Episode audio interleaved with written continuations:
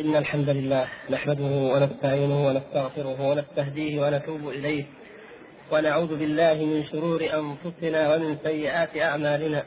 من يهد الله فلا مضل له ومن يضلل فلا هادي له. وأشهد أن لا إله إلا الله وحده لا شريك له. وأشهد أن محمدا عبده ورسوله. اللهم صل وسلم وبارك على عبدك ورسولك محمد وعلى آله وصحبه أجمعين. وبعد فما زلنا أيها الإخوة الكرام في شرح الفقرة الخامسة والخمسين في آخرها بعد أن تعرضنا لمسألة التوكل وأنه لا ينافي الأخذ بالأسباب وهو ما سوف يأتي بيانه إن شاء الله في آخر هذا الكتاب بشكل أوسع.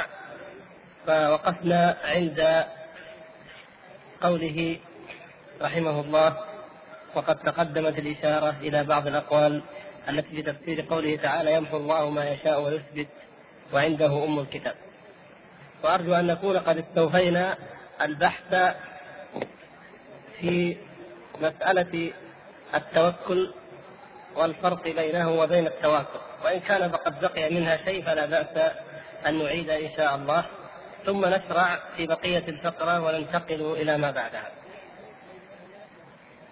تفضل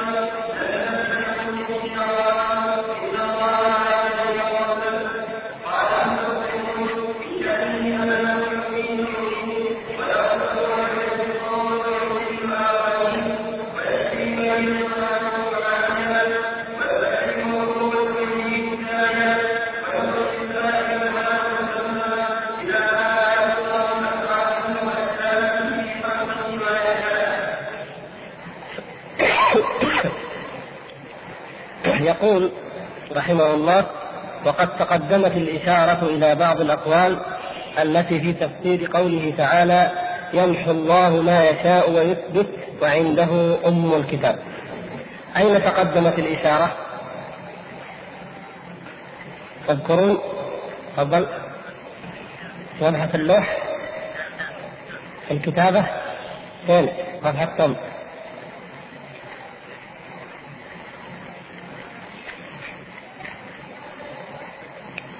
ولا قبل ذلك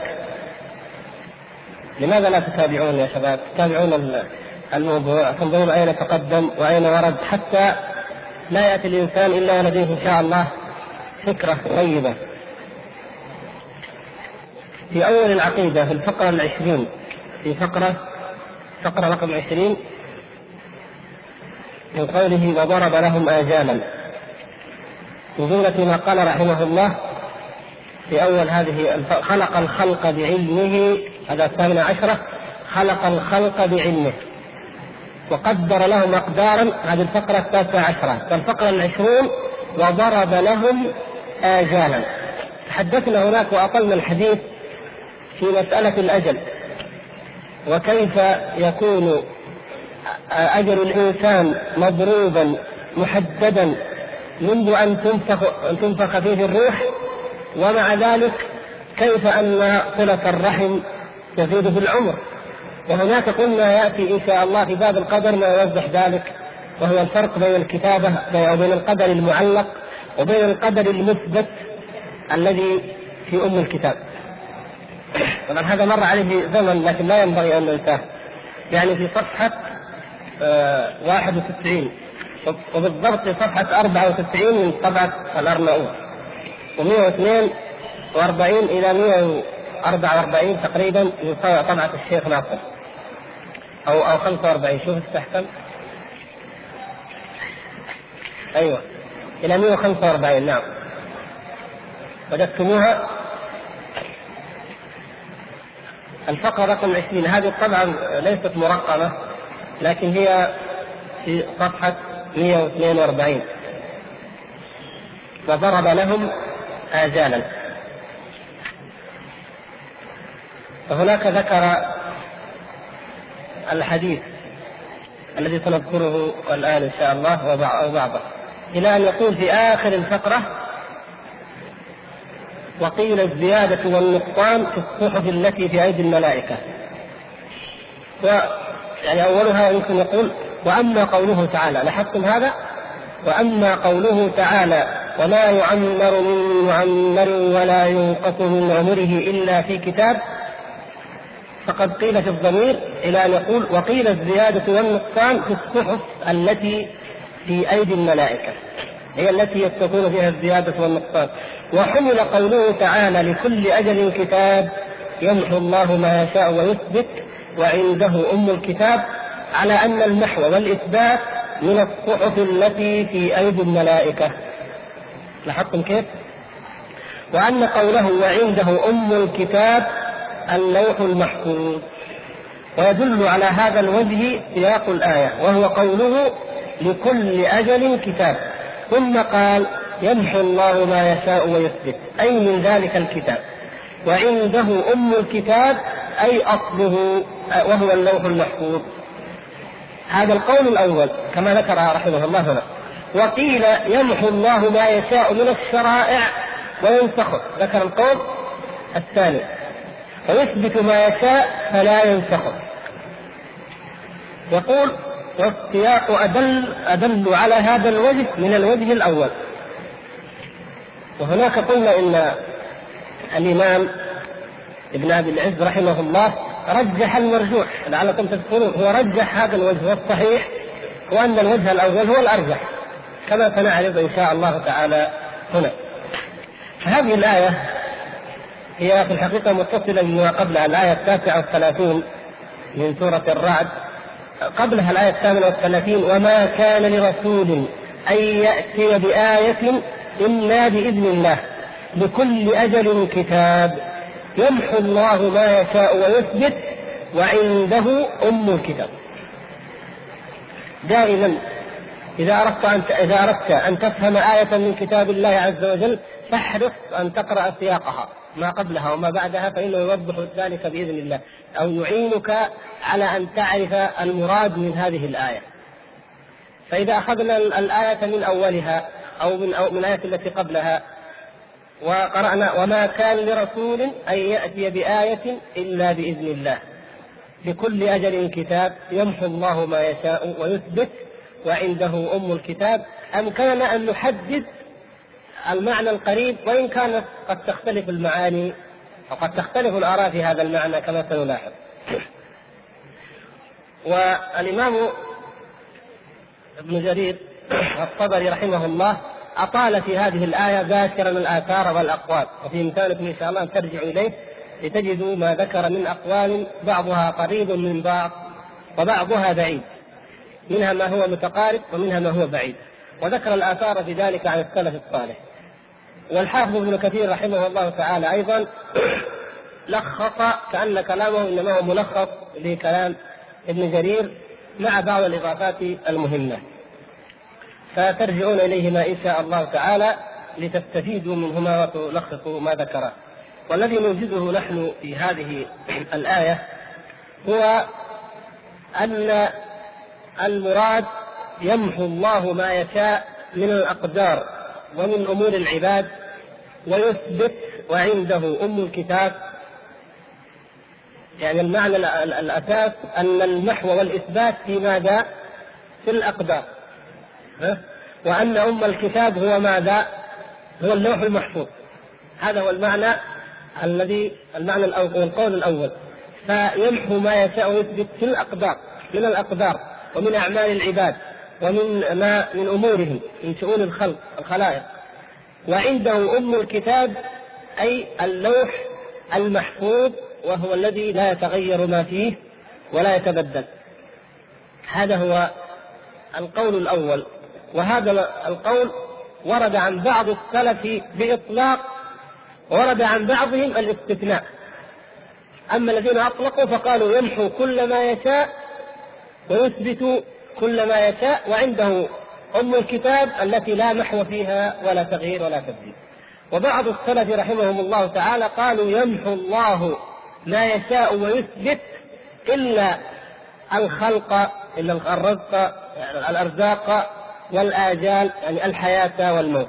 يعني بعضهم قال الشقاء والسعادة والحياة والموت. وهما متلازمان. الله تعالى قال يمحو ما يشاء ويثبت إلا هذا. يعني كون الإنسان كتب شقيا أو سعيدا وأجله حياته وموته هذه لا يدخلها التبديل. على قول بعض السلف. يعني ما جاء في حديث عبد الله بن مسعود في حديث الصادق المصدوق تقريبا. قالوا هذه لا يدخلها التبديل ولا يدخلها المحو والإثبات بل هي ثابتة. وإنما يمحو الله ما يشاء ويثبت فيما سوى ذلك. وبالجملة فهذا القول وهو أن المحو والإثبات واقع في الأقدار هذا هو الذي ورد عن كثير من السلف الصالح وأورد ابن جرير رحمه الله ذلك بالسند إلى أئمة التفسير من الصحابة والتابعين كابن عباس ومجاهد رضي الله تعالى عنهم أجمعين.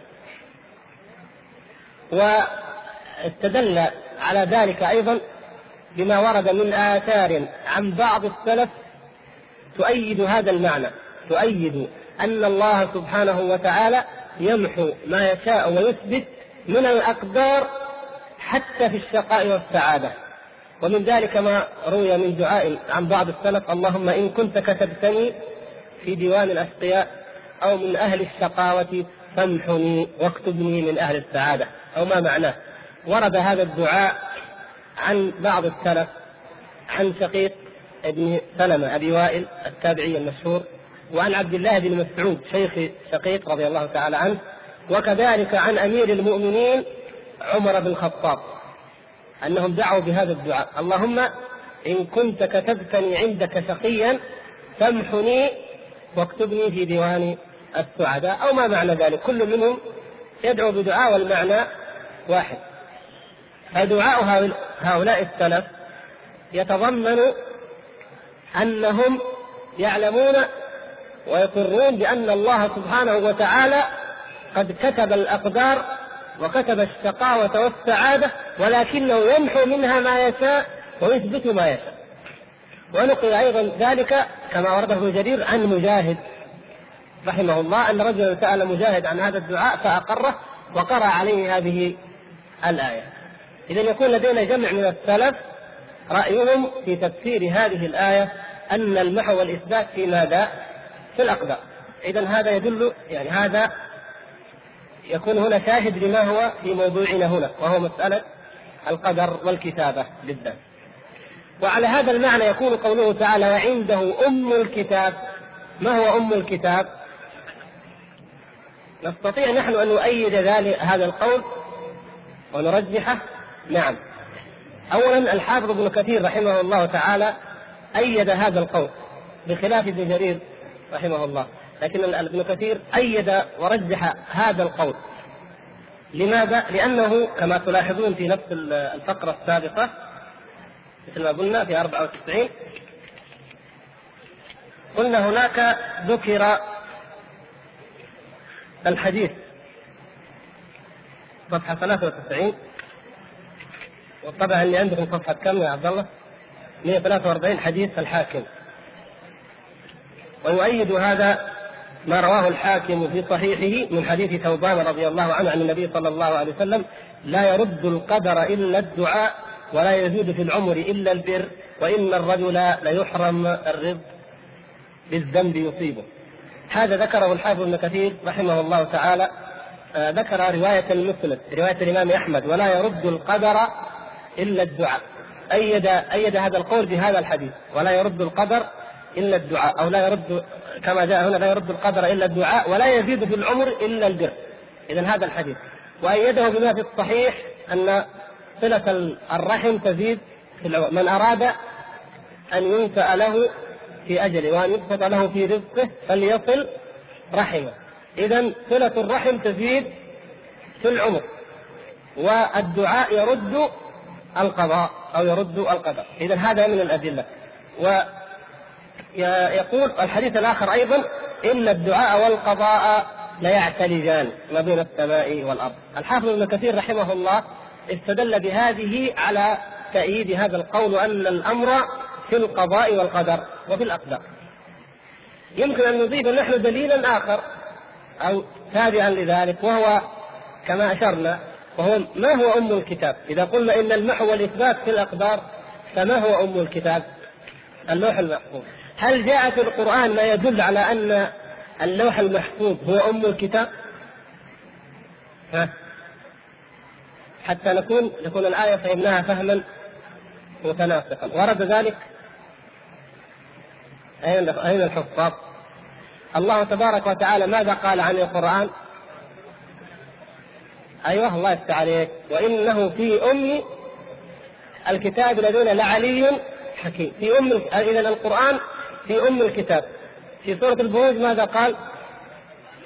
في لوح. إذا اللوح المحفوظ هو هو أم الكتاب. ونحن قلنا فيما سبق أن اللوح المحفوظ له أسماء منها منها أم الكتاب ومنها الإمام المبين ومنها هو اللوح المحفوظ أيوه منها إيش؟ الذكر نعم هو كتابه منها الذكر. وكتب في الذكر ما هو الذكر؟ اللوح المحفوظ. وكتب في الذكر كل شيء. ولقد كتبنا في الزبور من بعد الذكر أي في اللوح المحفوظ. على أرجح الأقوال. إذا فنكون على هذا كيف نفهم الآية؟ على هذا على هذا النسق وما كان لرسول أن يأتي بآية إلا بإذن الله. ثم قال لكل أجل كتاب. فالله سبحانه وتعالى قد قدر الآجال. آجال الخلق وآجال إنزال الرسل إرسال الرسل وإنزال البينات والآيات عليهم. لكل أجل كتاب. يمحو الله ما يشاء ويثبت وعنده أم الكتاب. ومع أنه سبحانه وتعالى قد قدر كل شيء وضرب له أجلا لا ريب فيه. لا يستقدم عنه ولا يستأخر إلا أنه سبحانه وتعالى يمحو ما يشاء ويثبت ما يشاء وعنده أم الكتاب اللوح المحفوظ الذي لا تبديل فيه ولا تغيير لما كتب فيه من الأقدار. ويؤيد ذلك أيضا أن بعض السلف نصوا على أن ما يقدره الله تعالى في رمضان قد يغير ولكن ما في اللوح المحفوظ لا يغير. ماذا يقدر في رمضان؟ الكتابة ليش؟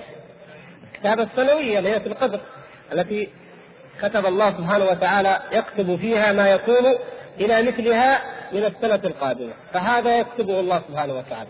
وأيضا يغير على هذا وعلى كما ورد في الحديث السابقة في مسألة العمر والأجل يغير ما يكتبه الملك متى؟ عند نفخ الروح فيه. إذا نفخ الملك الروح في الإنسان وأمره الله تعالى بكتب أربع كلمات بكتب رزقه وأجله وعمله وشقي أو سعيد يغير ذلك ولكن لا يغير ما في اللوح المحفوظ. لاحظتم كيف؟ هذا هو القول الأرجح إذا قد يقال وهل من فائدة أو من حكمة؟ نحن لا نعلم ماذا كتب في صحيفتنا. وماذا كتب في ليلة القدر؟ وكذلك لا نعلم ما في اللوح المحفوظ. فك... يعني إذا شيء ما ظهر لنا لا ما محي ولا ما أثبت. فنقول في ذلك حكمة أخرى وهو لا يشترط في ظهور الحكمة أن نعلم نحن البشر بها. نحن يجب أن نتنافس وينبغي لنا أن نتنافس ونتسابق في فعل الخير. مثلا في الدعاء نجتهد في الدعاء لأنه يرد القضاء. نجتهد في صلة الرحم لأنها تبسط في الرزق وتزيد في العمر نجتهد نأخذ بالأسباب كما أمر الله سبحانه وتعالى. وكون ذلك يقع نعلمه أو لا نعلمه هذا علمه عند الله لكن هذا فائدته لنا نحن الاجتهاد في السعي في الأخذ بالأسباب التي هي أسباب السعادة والابتعاد عن أسباب الشقاوة. فكما ندفع الجوع بالأكل ندفع أيضا الموت أو الاجل بالدعاء أو المصائب ندفعها مثلا بالدعاء أو بصلة الرحم وبأعمال الخير. إذا فنحن عندما نجتهد في الطاعات نحن ننازع القدر بالقدر نرد القدر بالقدر ندفع القدر بالقدر وهذا هو الذي ينبغي ويجب أن يكون عليه المؤمن. وأمر آخر أيها الإخوة. الملائكة هذه التي تكتب آجالنا وأعمالنا وسقاوتنا وسعادتنا جعلنا الله وإياكم من السعداء في الدنيا والآخرة. هذه الملائكة ما علاقتنا بها وما علاقتها بربها عز وجل. هذا هؤلاء عباد مكرمون مصطفون أخيار عند الله سبحانه وتعالى. لا يعصون الله ما أمرهم ويفعلون ما يؤمرون لا ما يؤمرون لا يعصونه طرفة عين. هؤلاء الملائكة كما ذكر الله سبحانه وتعالى يستغفرون للذين آمنوا. الملائكة يستغفرون لنا. نحن المؤمنين وحريصون على أن نفعل الطاعات وأن نجتنب الموبقات. فإذا رأى الملك أن الله سبحانه وتعالى كتب أن فلان يموت بعد كذا من العمر أربعين سنة مثلا. ثم رأى أن الله قد غير ذلك أو علمت الملائكة أن الله قد غير ذلك. إذا الملائكة هذه لها علاقة بنا من حيث أنها تدعو لنا ترجو لنا تفرح وتصر أننا نطيع الله سبحانه وتعالى لأنها هي مطيعة لله سبحانه وتعالى. فكون لا نعلم الملائكة تعلم ويطلعها الله سبحانه وتعالى كما يطلع ما شاء من خلقه. فكما أطلعهم على آجالنا وأرزاقنا وأعمالنا وأمرهم أن يكتبوها فكذلك يطلعون على مغفرته سبحانه وتعالى وعلى عفوه وعلى محوه. فإذا الأمر ليس خاصا بنا وحدنا بل يتعلق أيضا بهؤلاء العباد المكرمين. وأيضا هؤلاء العباد المكرمون علاقتهم بالله سبحانه وتعالى وهم أنهم يرون سعة فضل الله وسعة رحمة الله سبحانه وتعالى. فيكون ذلك أيضا فيه حكمة ومصلحة وهو أنهم يعلمون ذلك ويرونه عيانا. والقول الثاني في هذه الآية يمحو الله ما يشاء ويثبت وعنده أم الكتاب أن ذلك في الكتب المنزلة. أنها الكتب المنزلة. وما أرسلنا من رسول وما كان لرسولنا يأتي بآية إلا بإذن الله. فأي إن الرسل لا يؤتون الآيات ولا الكتب المنزلة أو الآيات والمعجزات والبراهين إلا بإذن الله وقد جعل الله لكل أجل كتاب يمحو الله ما يشاء ويثبت. على هذا المعنى يمحو الله ما يشاء من الآيات أو من الكتب ويثبت وعنده أم الكتاب أي أصله. ويتفرع عن هذا القول قول آخر قريب منه وهو أن ذلك في الشريعة الواحدة. يعني ليس فقط أن شريعة تنسخ شريعة لكن في الشريعة الواحدة يمحو الله ما يشاء ويثبت وعنده أم الكتاب فهو كقوله تعالى ما ننسخ من آية أو ننسها نأتي بخير منها أو مثلها. فهو سبحانه وتعالى ينسخ يمحو ما يشاء ويثبت من القرآن. يمحو ما يشاء ويثبت من أحكام الحلال والحرام. وعنده أم الكتاب أي أصله وجملة جملته وأصله. الحلال والحرام مثبت عنده سبحانه وتعالى. ولكن يحلل على عباده ما يشاء ويحرم ما يشاء كما يشاء. عز وجل أو ينزل من الآيات على الرسل ما يشاء ويمحو تلك الآيات ويأتي بآيات أخرى كما يشاء. يعني إن قلنا إن ذلك في الشرائع عامة فيكون مثلا الله سبحانه وتعالى أيد عيسى ابن مريم بالإنجيل وأعطاه الآيات البينات ثم محى ذلك وأنزل شريعة محمد صلى الله عليه وسلم وأعطاه الآية الكبرى وهي القرآن وهو ناسخ لما قبله. المعنى الثاني أو الثالث الذي هو جزء من الثاني تقريبا أن الله سبحانه وتعالى ينزل آيات في كتابه في القرآن ثم يمحوها وينسخها ويأتي ينزل آيات أخرى في نفس الكتاب. وعنده أم الكتاب فالقرآن الذي في اللوح المحفوظ لا تغيير فيه. ولكن بعض الآيات التي نسخت آه، أحكامها وتلاوتها أو تلاوتها هذه ليست مثبتة في اللوح المحفوظ فلا تغيير في اللوح المحفوظ. هذا هو يعني القول آه الذي آه الذي مال إليه وذهب إليه بعض السلف.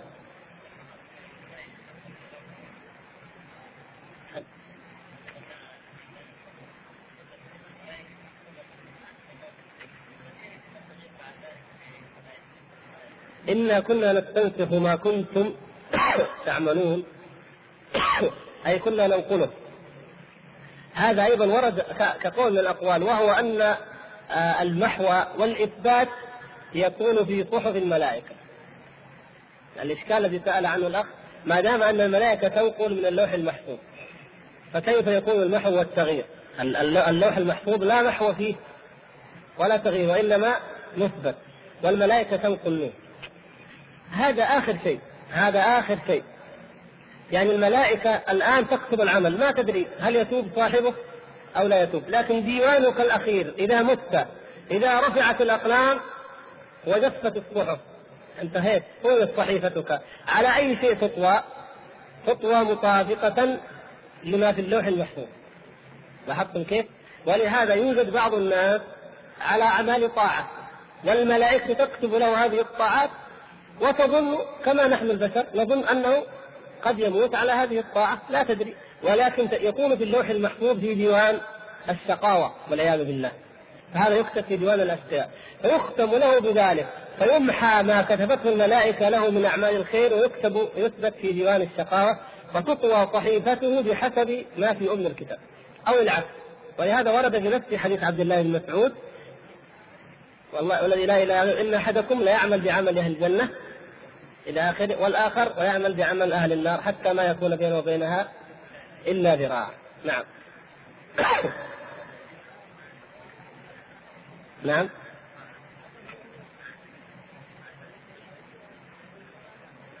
الملائكة لا تكتب الملائكة صحف الملائكة هذه ليست من الأقدار. لاحظوا. ما تكتبه الملائكة قلنا أن هذا الكتاب ليس من القدر. ماذا تكتب الملائكة؟ تكتب أعمالنا نحن ما هي أقدار؟ بخلاف الملك الذي ينفخ الروح في الإنسان فيكتب رزقه وأجله وشقي أو سعيد هذا قدر. لاحظتم؟ هذا قدر. لكن ما تكتبه الملائكة؟ تكتب الواقع الموجود. صليت كتبوا صلى. زنا كتبوا زنا عياذا بالله. تكتب الواقع الموجود المعمول. هذا الواقع قد يقتضي السعادة وقد يقتضي الشقاء وقد لا يقتضي لا نعلم. يعني قد تكتب انه زنى وسرق وفعل وفعل. لكن قد يكون هذا عند الله تعالى من السعداء. ما رأيكم الرجل الذي قتل مئة نفس؟ ماذا تكتب عن الملائكة؟ مئة نفس قتلها. لكن بعد ذلك تاب الله سبحانه وتعالى عليه في الأخير. هذا شيء. ورجل أيضا عياذا بالله كان يعمل ما ظاهره الخير والصلاح ثم كتبت له سوء الخاتمة. اعاذنا الله وإياكم من ذلك. هذا تكتب له صحائف ولكن سوء الخاتمة هناك. ومن ذلك الذين يظلمون الناس ويغتابون الناس ويؤذون خلق الله. ماذا تكتب لهم الملائكة؟ تكتب صلواتهم وصدقاتهم وأعمال البر التي ينفقون. فيؤتى أحدهم يوم القيامة وله حسنات كالجبال. هذا من؟ المفلس هذا الذي بينه النبي صلى الله عليه وسلم. أتدرون من المفلس؟ هذا هو المفلس. له حسنات كالجبال كتبتها الملائكة ما ظلمته فيما فعل. لكن عندما يأتي الحساب عندما يأتي الحساب يأتي هؤلاء يأتي وقد ظلم هذا وضرب هذا وأخذ مال هذا. يعني كلها مظالم العباد. مظالم العباد. ما بينه وبين الله حسنات. لكن ما بينه وبين العباد مظالم وسيئات. فيؤخذ من هذه الحسنات ديون. يوم القيامة ليس هناك درهم ولا دينار وإنما هي الحسنات. يعطى أولئك الدين الذي على هذا المسكين البائس حتى إذا نفدت حسناته أخذ من سيئاتهم فطرح عليه. لاحظتم؟ إذا ما تكتبه الملائكة قد تكتب حسنات وتكون النهاية شقاوة. قد تكتب سيئات وتكون النهاية سعادة. هذا شيء آخر لا علاقة تلازمية بينها وإلا أن هذه كتابة وهذه كتابة. إنما الإشكال فقط في السؤال الأول وهو كيف أن الله سبحانه وتعالى كيف أن الملائكة تستنسخ من اللوح المحفوظ؟ ومع ذلك نقول إنه لا تغيير ولا تبديل في اللوح المحفوظ مع وقوع التغيير والتبديل في ما تكتبه الملائكة. فنقول إن ماذا؟ إن هذا إذا طويت الصحيفة وانتهت. هؤلاء وهذا الخطاب يأتي للكفار يوم القيامة. قد طويت صحائفهم. وانتهوا. كتبت عليهم الشقاوة. فتشهد عليهم هذه الملائكة بما كتبت. بهذه في هذه الصحف المسطورة. فلا إشكال اذا ولا تعارض إن شاء الله. آه، هناك قول آخر في هذه الآية. في قوله تعالى يمحو الله ما يشاء ويثبت. وعنده أم الكتاب وهو أن الله سبحانه وتعالى ترفع إليه أعمال العباد جميعها. حتى إذا قال أكلت أو شربت أو أخذت كل قول يقوله العبد يرفع إلى الله وكل عمل يرفع إلى الله. والله تبارك وتعالى يمحو منه كل شيء إلا ما له علاقة بالثواب والعقاب بالحلال والحرام. وأما ما عدا ذلك فإنه يمحو. هذا أيضا قول في الآية. ولكن أرجح الأقوال وأولاها هو ما قلنا القول الأول وهو ماذا؟ أن المحو والإثبات في في الأقدار وأن أم الكتاب هي اللوح المحفوظ ثابتة لا تغيير فيها ولا تبديل. وعلى هذا يكون عندنا هنالك نوعان من القدر. قدر نافذ وقدر معلق. قدر معلق. المعلق نعم مرتبط بسببه. يعني إن, إن وقع سببه كان وإن لم يأتي السبب لم يقع. وأما القدر الثابت فهو نافذ لا محالة وهو الذي في اللوح المحفوظ. نعم الذي في اللوح المحفوظ لا تغيير فيه ولا تبديل. وأم الكتاب هي اللوح المحفوظ كما نطق بذلك القرآن. وأما قوله تعالى كل يوم هو في شأن فقال البغوي قال مقاتل نزلت في اليهود حين قالوا إن الله لا يقضي يوم السبت. هذه الكتابة أو القدر اليومي القدر اليومي. كل يوم هو في شأن. ما معنى كل يوم هو في شأن؟ سبحانه وتعالى. هذا ما ورد معروفا لديكم جميعا ذكرناه عن أكثر السلف وهو أنه سبحانه وتعالى في هذا اليوم يقضي وينفذ الأقدار فهو يعز ويذل ويحيي ويميت يرفع ويخفض يعطي ويمنع هذا تدبيره سبحانه وتعالى يدبر هذا الملك في هذا اليوم كل يوم هو في شأن. هذا قال البغوي نزلت في اليهود المقاتل. هنا نأتي إلى مسألة أخرى مسألة هؤلاء الذين ما قدروا الله حق قدره سبحانه وتعالى. ماذا قالت اليهود عن الله سبحانه وتعالى؟ يقولون كما في التوراة المحرفة الموجودة اليوم بين أيدي اليهود والنصارى يسمونه الكتاب المقدس. إن الله سبحانه وتعالى خلق السماوات والأرض في ستة أيام. وانتهى ذلك في يوم الجمعة ثم استراح الرب في اليوم السابع استراح من العمل الذي عمله. عياذا بالله. انظر هذا هكذا منصوص في التوراة. استراح من العمل الذي عمله. تعالى الله عما يصفون سبحانه وتعالى عما يصفون إلا عباد الله المخلصين. فهؤلاء يصفون الله تعالى بما لا يليق به. ولهذا عز الله سبحانه وتعالى نبيه محمدا صلى الله عليه وسلم. لما قال المشركون شاعر ساحر كاهن مجنون يعلمه بشر مفتري أساطير الأولين اكتسبها كثير كثير من ماذا قال؟ في سورة قاف فاصبر على ما يقولون وسبح ولقد خلقنا السماوات والأرض وما بينهما في ستة أيام وما مسنا من لغوب فاصبر على ما يقولون. الله أكبر. يعني الذين يتهمون الله سبحانه وتعالى ويتنقصون قدر الله عز وجل ويصفونه بالعجز وبالإعياء وبالضعف وأنه في حاجة إلى أن يستريح لا يستغرب منهم أن يتكلموا ويقولوا فيك يا محمد ما ما يقولون وما يفتروا عليك ما يفترون. سواء كان ذلك كانوا من جنس اليهود أو من المشركين أو عامة.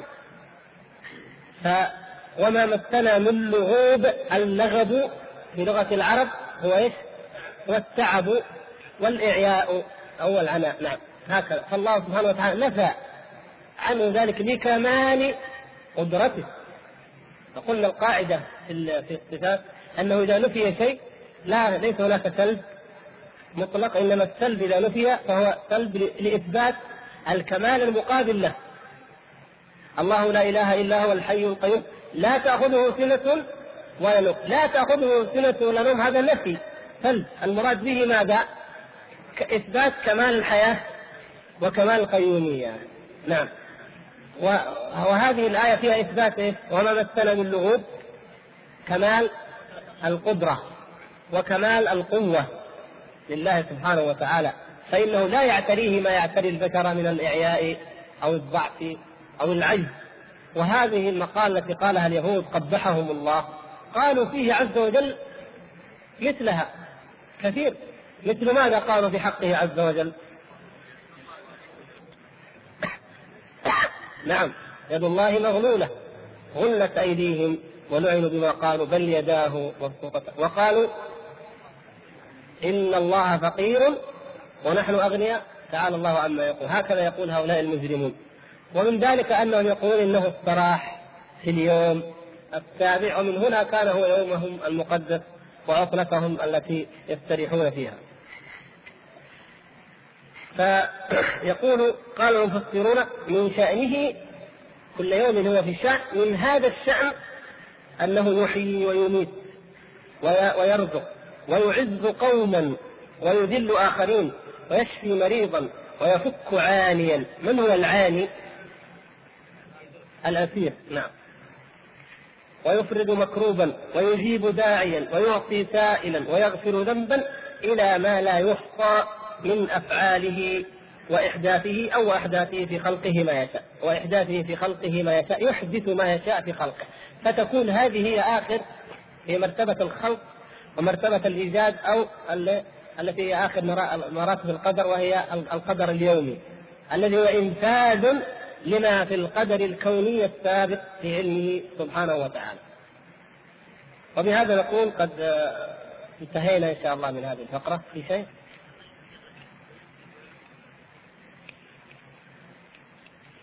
هو هذا. نضيف يثبت ويمحي؟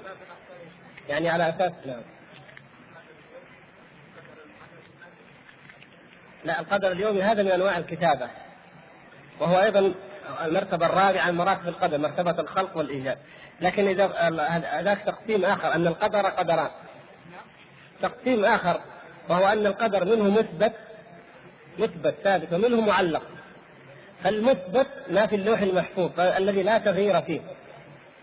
هذا الذي في اللوح المطابق لعلم الله سبحانه وتعالى. لأن قلنا المرتبة الأولى مراتب القدر هي العلم.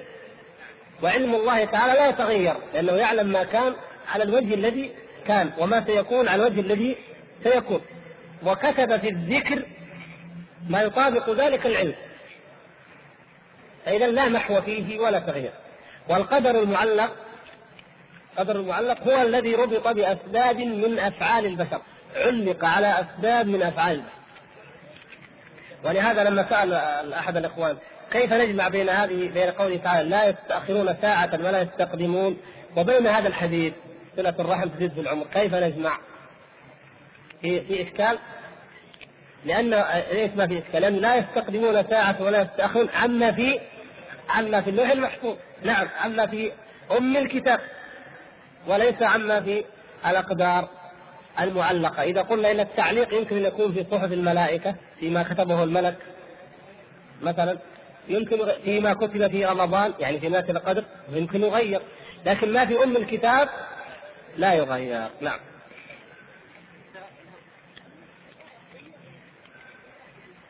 وبعدين بعضكم يسأل كم هي أنواع القدر؟ يا إخوان كررناها كثير. ولا المقصود هذه فقط؟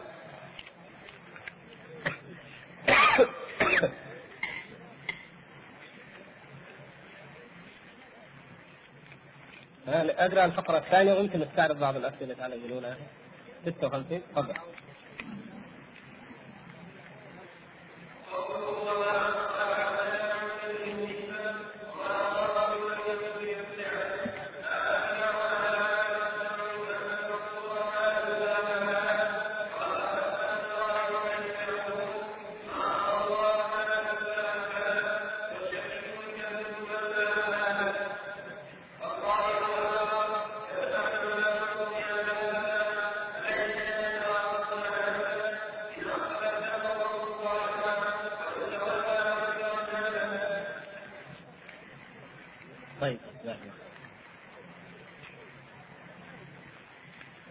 عندما قال النبي صلى الله عليه وسلم كما فعل أحد الإخوان في حديث الصادق المصدوق فيسبق عليه الكتاب ما هو الكتاب هنا؟ الذي في اللوح المحفوظ ام الذي كتب الملك؟ طيب الملك يكتب في نفس الحديث فيؤمر بكتب أربع كلمات يسبق عليه الكتاب الذي كتب الملك المطابق للوح المحفوظ طبعا اللوح المحفوظ لا شك اللوح المحفوظ لا شك فيه إنه هو الذي يمضي ما فيه يمضي على كل بشر. لكن في نفس الحديث يعني كونه يمحى بعض ما يكتبه الملك. هل هذا معناه إنه كل ما يكتبه معلق؟ لا. فيسبق عليه الكتاب الذي في أول الحديث ويؤمر بكتب أربع كلمات. لكن هذا يطابق ما في اللوح المحفوظ. يعني إن كان في ديوان أهل السعادة فهو كذلك. وإن كان في ديوان أهل الشقاوة فهو كذلك. فإذا يجب على المؤمن أن يحذر وأن يخاف من سوء الخاتمة وأن لا يغر بعمل طاعة عملها بل يجتهد في أن تتصل الطاعة بالطاعة إلى أن يلقى الله سبحانه وتعالى ويخشى الفتنة ويخشى النفاق كما كان السلف الصالح رضوان الله تعالى عليهم. ومع ذلك يجتهد في الدعاء ومما يدعو ويجتهد فيه أن يجعله الله تعالى في ديوان السعداء وأن يكتبه معهم. فيكون قد أخذ بالأسباب واحتاط لنفسه ثم كما قال بعض السلف رضوان الله تعالى عليهم لما آه، أن سمع أو قرأ في في حديث أبي ذر رضي الله تعالى عنه يا عبادي إنما هي أعمالكم أحصيها لكم ثم أوفيكم إياها فمن وجد خيرا فليحمد الله ومن وجد غير ذلك فلا يلومن إلا نفسه. قال والله لنجتهد في طاعة الله حتى إذا أدخلنا النار لم نلم أنفسنا. نقول قد أعذرنا إلى ربنا فنقول يا ربي قد اجتهدنا ولم ينفعنا. انظروا كيف السلف الصالح رضي الله تعالى إيمانهم بالقدر. إيمانهم بالقدر يدفعهم للعمل نقول لنجتهد في الطاعة حتى إذا أدخلنا النار عياذا بالله. نقول قد اجتهدنا ولم ينفعنا. أما إن ما نجتهد ونقول برحمة الله كما يقول أكثر من اليوم يتركون السبب ويعلقون على ما قد كتب وما قد كتب هو مطابق لما تفعله أنت من الأسباب. هذا هو. فإن شاء الله اتضحت.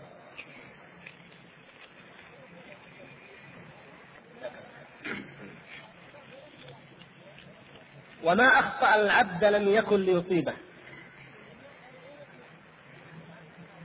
ما أخطأ العبد لم يكن ليصيبه. وما أصابه لم يكن ليخطئه. هذه الفقرة الثالثة والخمسون هي مقتضى ومتضمن الحديث حديث ابن عباس الذي سبق شرحه.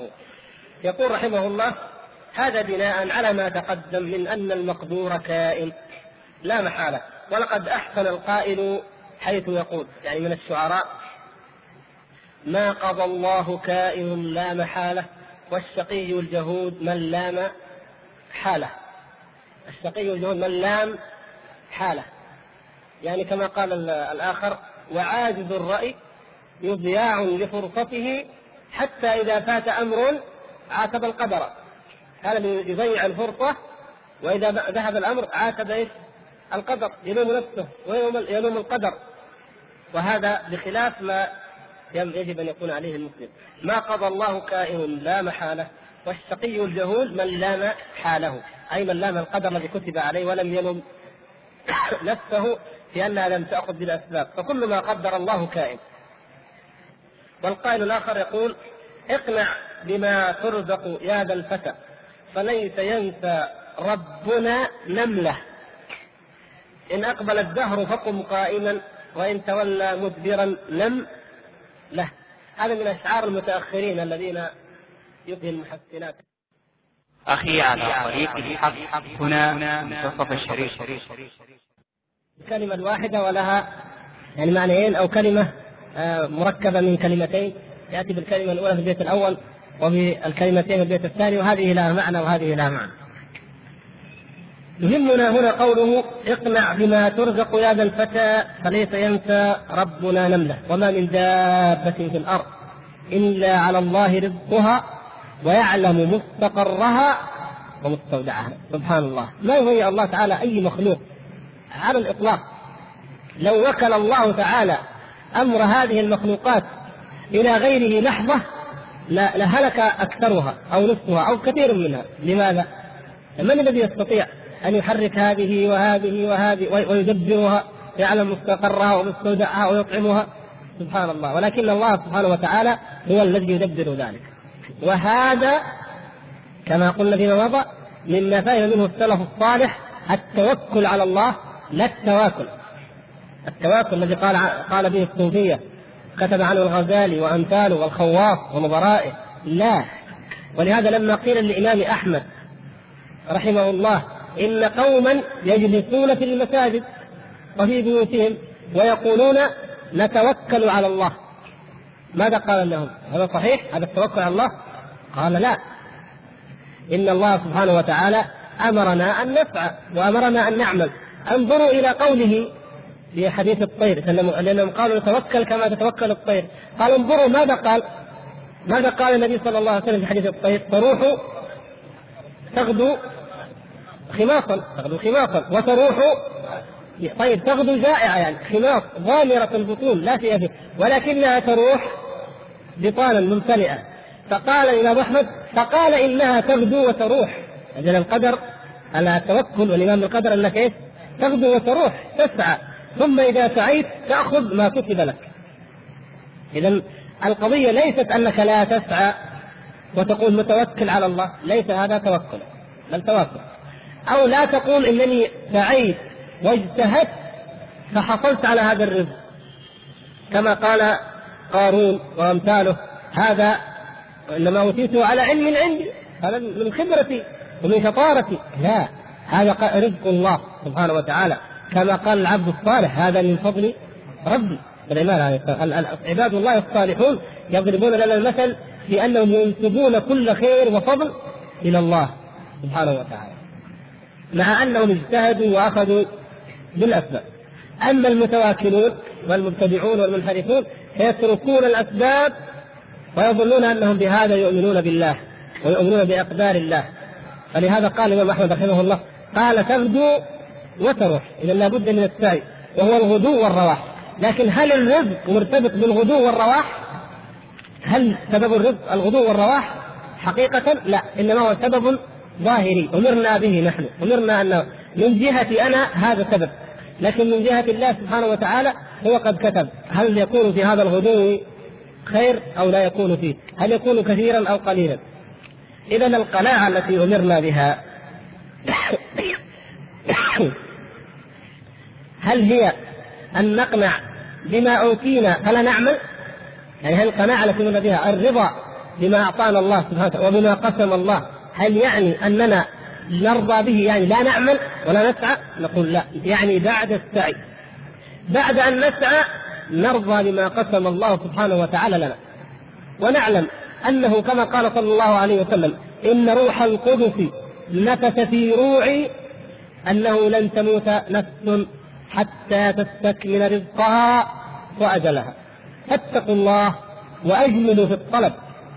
ابدا لا يذل الإنسان نفسه ولا يحرص حرصا شديدا وزائدا عن الحد. نعم احرص على ما ينفعه لكن لا يكون هذا الحرص زيادة. يؤدي بك إلى الشح يؤدي بك إلى طول الأمل يؤدي بك إلى الغفلة إلى نسيان اوامر الله سبحانه وتعالى إلى الخوف على هذا الرزق إلى إلى الاتكال والاعتماد على الأسباب وترك آه، الصله بالله سبحانه وتعالى والتوكل عليه والاعتماد عليه. لا هذا ليس حرص هذا حرص مذموم.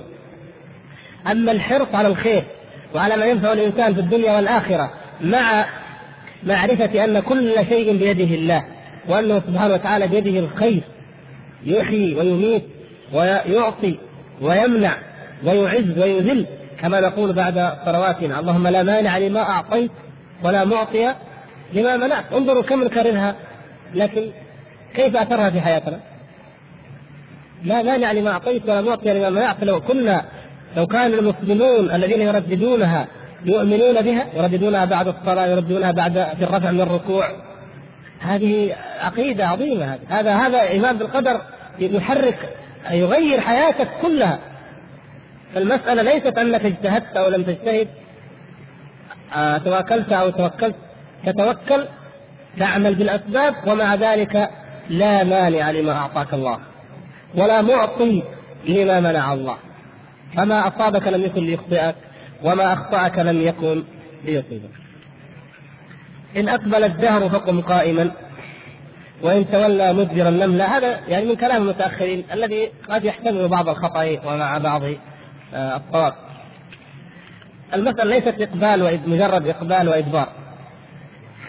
نعم الله سبحانه وتعالى قد يبتلي يعني هذا الكلام ليس بإطلاق. قد تقبل الدنيا على أحد لكن هذا لأن الله سبحانه وتعالى ابتلاه فأكرمه ونعمه.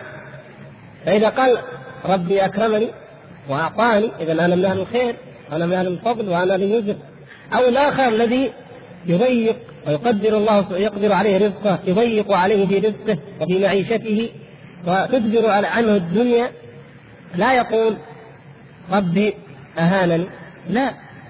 كلا لا إهانة لذلك الذي منع ولا إكرام ليس الإعطاء إكراما ولا المنع إهانة. وإنما ابتلاء من الله سبحانه وتعالى. يبتلي الإنسان بالخير والشر بالضراء والسراء. المسألة ليست مجرد إقبال دهر ولكن